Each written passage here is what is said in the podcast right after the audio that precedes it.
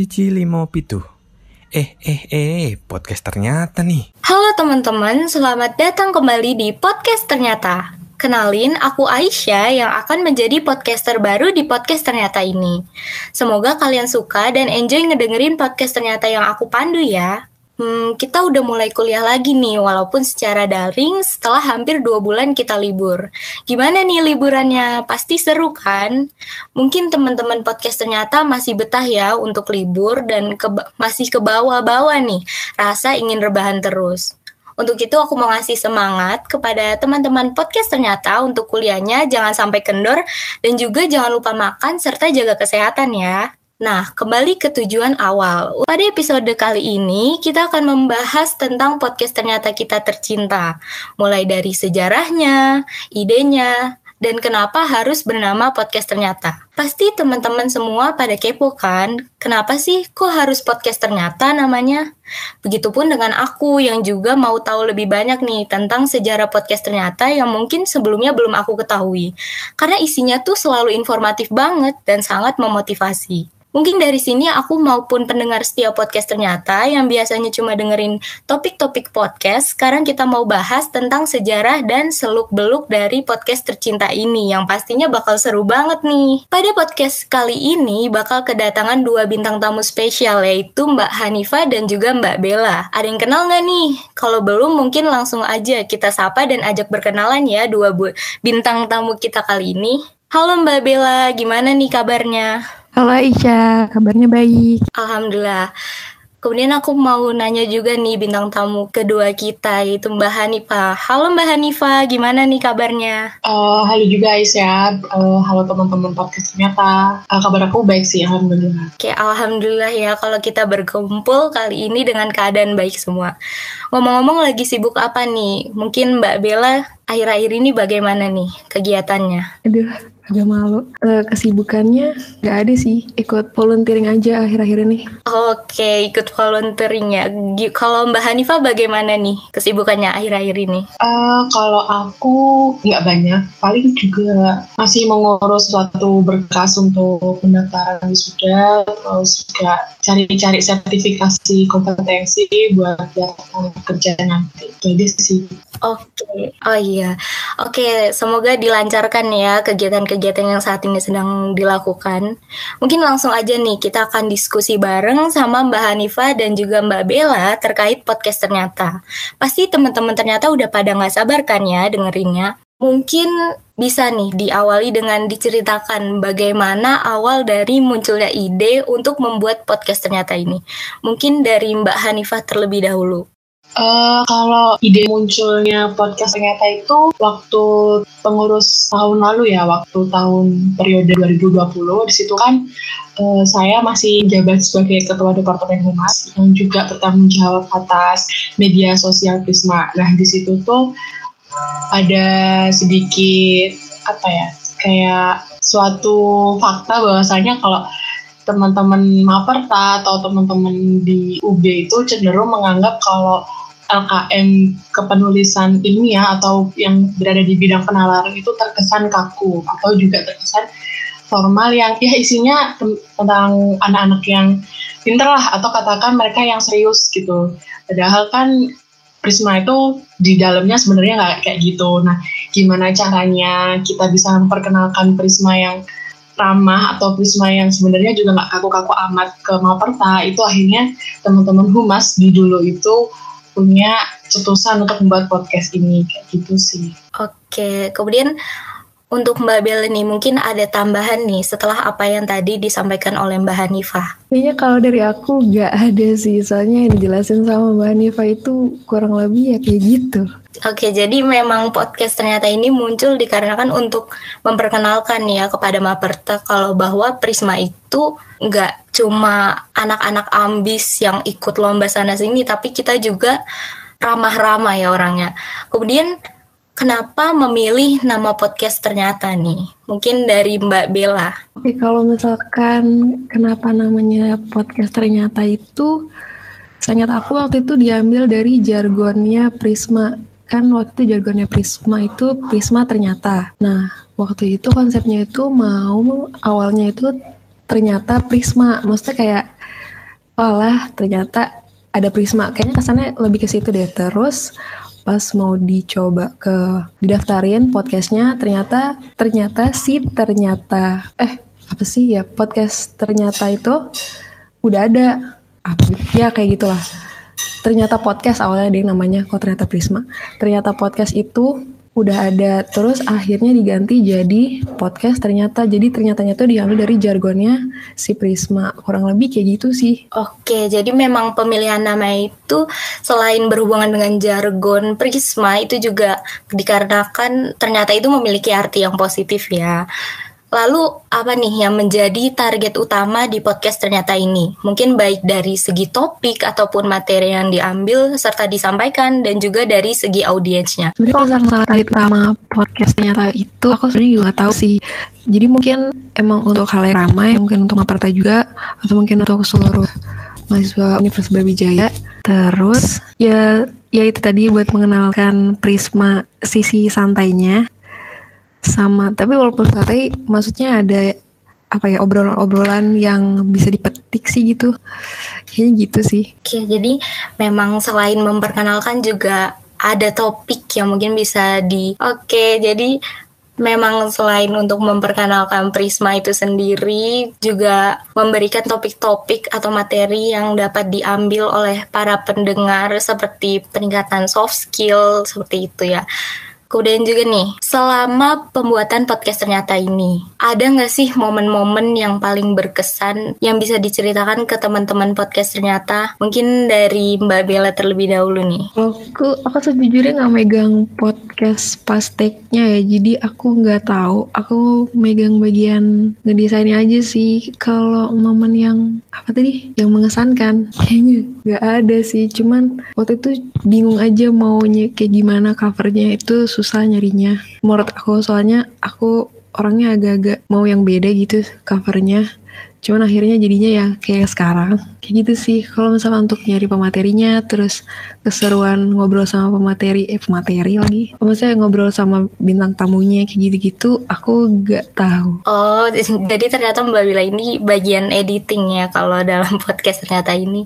Betul. Oke. Kalau dari Mbak Hanifah nih bagaimana? Ada nggak momen yang paling berkesan mungkin dari bintang tamunya atau bagaimana? Eh, kalau yang berkesan, aku nggak ingat aku berapa kali take podcast waktu itu sebelum aku demisioner. Kayak dua kali apa ya? Jadi yang berkesan pasti yang pertama kali karena itu pertama kali kita pembuat kita kita juga baru tahu gimana rasanya bikin podcast itu sedikit sedikit bodoh ya. Karena juga secara aplikasi baru tahu semua baik eh, host atau narasumber juga baru tahu baru belajar Eh, yang waktu itu yang jadi hostnya juga menjadi baru pertama kali tuh dia jadi eh, host di suatu podcast atau platform kayak gitu lah. Jadi dia juga nggak ada pengalaman. Jadi semuanya sama-sama belajar. Narasumbernya juga belum pernah menjadi narasumber di pod, satu podcast juga. Itu lucu banget sih. Kayak ber- berkali-kali take salah take lagi terus bikin bikin lagi. Itu ya ya cukup berkesan. Terus kalau yang lebih kena ke aku tuh karena aku menaungi program kerja ini jadinya aku yang menghubungkan ini ke alumni atau ke beberapa pengurus tahun lalu atau tahun 2019 2018 itu mereka apresiasi sekali terus cukup cukup bangga kalau Prisma itu sekarang punya terobosan baru dalam menggait teman-teman Maperta itu jadinya aku ya sedikit bangga gitu lah ya. Oke, jadi momen-momen yang berkesan itu adalah momen-momen ketika awal-awal yang benar-benar semuanya yang bekerja sama itu belajar bersama ya kak. Iya betul. Masih noob. Iya. Oke. Kemudian nih, kan tadi juga sudah membicarakan tentang awal-awal bagaimana belajar bersama mengenai podcast itu seperti apa. Kemudian hambatan-hambatannya itu apa aja gitu kak. Kemudian cara menghadapinya hambatan tersebut itu bagaimana, Mbak Hanifah? Kalau dulu karena uh, contohnya tuh ini ya, gimana kita mencairkan suasana waktu rekaman podcast. itu cara mengatasinya ya gimana? Uh, lebih sering latihan mungkin sama hostnya yang bertugas itu terus berusaha memperbanyak wawasan atau mungkin belajar ya interview dikit-dikit. Kayak gitu sih. Mungkin Bella waktu itu buat kendalanya gimana? Aku soalnya kurang tahu karena yang di lapangan teman-teman pengurus sama staf tenaga yang mengerjakan. Ya langsung aja uh, kalau aku juga sejujurnya nggak tahu. Kayak kendalanya itu oh ya kendalanya itu. Aku waktu itu pernah ikut satu atau dua kali take kendalanya itu ya sinyal sih karena kan waktu itu ngetiknya secara online jadi harus pakai internet. Belum lagi kalau misalkan bintang tamunya itu sinyalnya nggak stabil jadi kadang dia ngomong apa tuh putus-putus gitu loh. Terus kita kayak gimana? Gitu. Terus yang kendala lagi itu kalau misalkan si podcasternya sama bintang tamunya itu temenan. Waktu itu ada di satu episode itu temenan. Jadi ngeteknya tuh di satu tempat dan itu harus tahan tawa gitu. Kayak lucu aja gitu di satu tempat terus ngetek di online di Google Meet. Kalau untuk yang lainnya aku kurang tahu sih. Mungkin bisa ajak Mas Dimas kali ya buat nanya-nanya gimana. Oke, mungkin dari hambatan untuk yang tadi juga yang terkait podcaster dengan bintang tamu itu temenan itu benar-benar challenge banget sih untuk tahan tawa menurut aku juga. Oke, mungkin tadi nih kata Mbak Bella, Mas Dimas mungkin bisa menjelaskan nih tadi kata Mbak Bella kan bisa nanya-nanya juga nih terkait hambatan podcaster ataupun podcast ternyata ini. Kalau dari Mas Dimas bagaimana nih? Oh, oke. Okay. Jadi uh, kalau hambatannya itu dari awal sampai uh, dan sampai sekarang itu mungkin itu ya apa uh, lebih ke brainstorming idenya. Jadi itu misal bulan ini apa bulan depan apa itu kayak susah untuk menemukannya. Tapi uh, setiap bulannya itu pasti nemu aja kayak uh, gimana kalau podcast ini podcast itu? Gimana nggak coba podcast sama si A si B. Jadi kayak uh, lebih apa ya kayak uh, kita tiba-tiba terpancarkan ide secara tiba-tiba kayak gitu. Terus uh, hambatan lainnya mungkin ya seperti yang dibilangkan Mbak Bella dan Mbak An juga kan itu masalah uh, masih baru. Jadi uh, kita susah untuk uh, ibaratnya itu masih newbie lah atau noob jadinya kita uh, kurang memahami atau kadang tuh masih uh, agak gagu untuk uh, menjalankan podcast ini kayak gitu.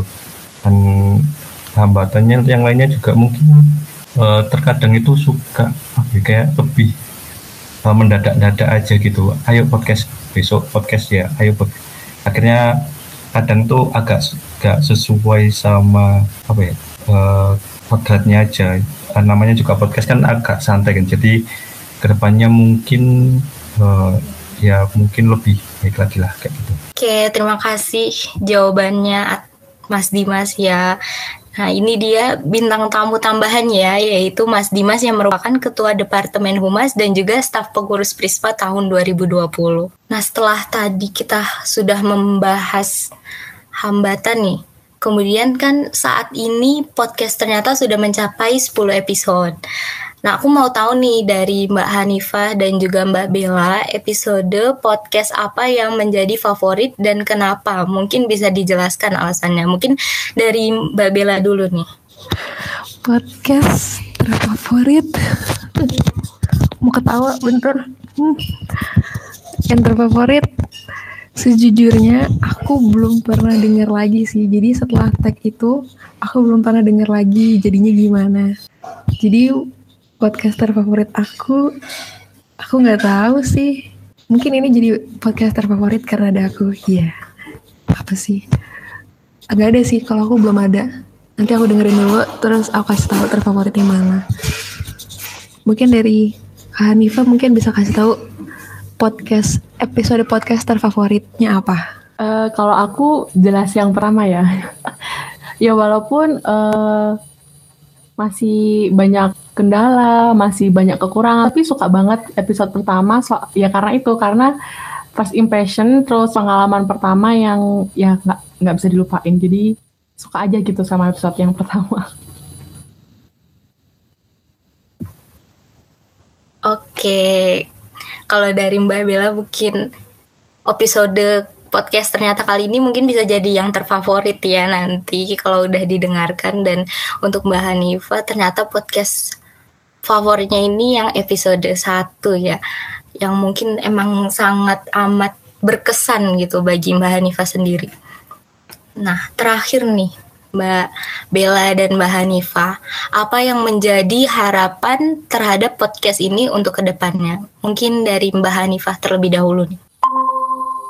Uh, kalau harapan aku buat podcast Prisma, podcast ternyata, podcast ternyata uh, mungkin selalu bisa terus memberikan inspirasi, terus memberikan wawasan yang lebih luas buat pendengar ataupun maperta ataupun mahasiswa UB. Yang penting podcast ini bisa terus jalan sesuai apa yang kita kehendaki dalam pembuatan awal itu. Terus semoga juga teman-teman humas yang bertanggung jawab atas jalannya podcast ini diberikan semangat terus untuk berkarya ya itu sih mungkin bisa lanjut ke Bella. Oke, kalau dari aku harapannya sama mungkin. Iya sama. Maksudnya lebih banyak variasi apa ya temanya mungkin ya. Jadi kalau bisa tuh off dari bahasan-bahasan tentang perkuliahan yang benar-benar gak ada bahasan perkuliahannya. Terus mungkin bisa ngebahas topik-topik yang lagi hot. Misalkan kayak misalkan aja nih ya kayak finance mungkin. Aku nggak tahu sih. Hehe. Cuma saran aja. Harapannya maksudnya bisa lebih berkembang daripada tema-tema tentang perkuliahan gitu. Siapa tahu pendengarnya di luar di luar sih di luar mahasiswa. Maksudnya di luar maperta gitu.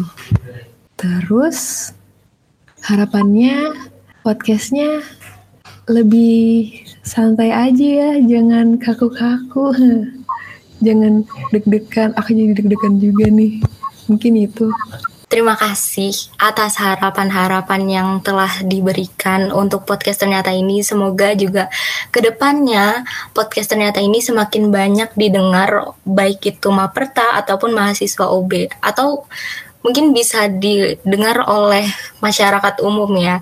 Dan juga terima kasih kepada Mbak Bella. Aku juga mengharapkan agar podcast ternyata ini menjadi lebih baik lagi.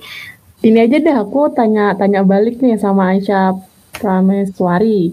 Kan Aisyah hmm. sekarang jadi podcasternya. Coba uh, mungkin ada kesan atau pesan atau ya apa yang kamu rasain selama jadi podcasternya Prisma gimana? Uh, karena ini podcast perdanaku bener-bener pertama sendiri gitu ngebawain podcast. Ternyata jujur bener-bener di awal tuh grogi bener-bener yang kayak deg-degan gitu kayak banyak khawatir ini itu gitu. Walaupun juga sebenarnya kan Mbak Bella sama Mbak Hanifah ini nggak yang menyeramkan gitu. Iya loh nggak seram. Iya tapi dari aku sendiri juga aku entah takut salah ngomong gitu kayak jadi kayak masih menahan diri Iya kalau awal-awal tuh dulu pasti dibikinin skrip gitu kan sama mungkin kamu sama Mas Bima sama Mbak Vina pasti dibikinin skrip buat ngomong. Nah, tapi biasanya kalau di awal-awal tuh anak-anak pada terpaku sama skrip terus akhirnya nggak bisa mengeksplor kata-kata sendiri, nggak bisa ngomong lebih leluasa tapi wajar sih emang karena masih awal-awal. Yang mungkin ke depannya ntar kalau Aisyah jadi podcaster terus itu lebih santai aja deh nggak usah nggak usah terlalu kaku-kaku lah nggak usah ngikutin skrip-skrip amat. Yang penting apa yang mau ditanyakan apa yang ingin disampaikan itu kena. Ya mbak. Makasih banyak. Kayak mungkin semoga harapan-harapan yang telah disampaikan dari Mbak Bella dan juga Mbak Hanifah dapat tercapai ya untuk podcast ternyata ini. Nah, terima kasih untuk jawabannya yang sangat informatif dan juga sangat memberikan jawaban nih terhadap pertanyaan-pertanyaan kita ya. Nah, dengan mengetahui ini semua membuat kita lebih tahu dan juga lebih mengenal tentang podcast tercinta ini. Sebelum kita benar-benar ditinggal sama Mbak Bella dan Mbak Hanifah nih, kira-kira ada closing statement nggak nih untuk season podcast ternyata kali ini? Mungkin dari Mbak Bella terlebih dahulu. Aduh, aduh, ini uh, closing statement ya. Aku sebenarnya nggak ngerti closing statement itu apa. Jujur, li nggak tahu. Jadi aku nggak tahu mau ngomong apa. Tapi gini aja, aku mau berdoa semoga uh, podcast ternyata bisa berkembang Terus Aisyah sebagai podcasternya juga ikut berkembang, siapa tahu jadi podcaster beneran. Itu. Terus santai aja. Terus pendengarnya bisa lebih luas lagi sama tetap semangat dan jaga kesehatan di kala pandemi ini. Sekian. Oke, selanjutnya dari Mbak Hanifah untuk closing statement. Dipersilahkan. Uh, kalau dari aku mungkin buat para pendengar setiap podcast ternyata semoga apa yang disampaikan tadi bisa menambah informasi Anda, juga bisa menambah semangat Anda. Buat teman-teman Prisma, semangat terus, jaga kesehatan, jangan lupa bahagia.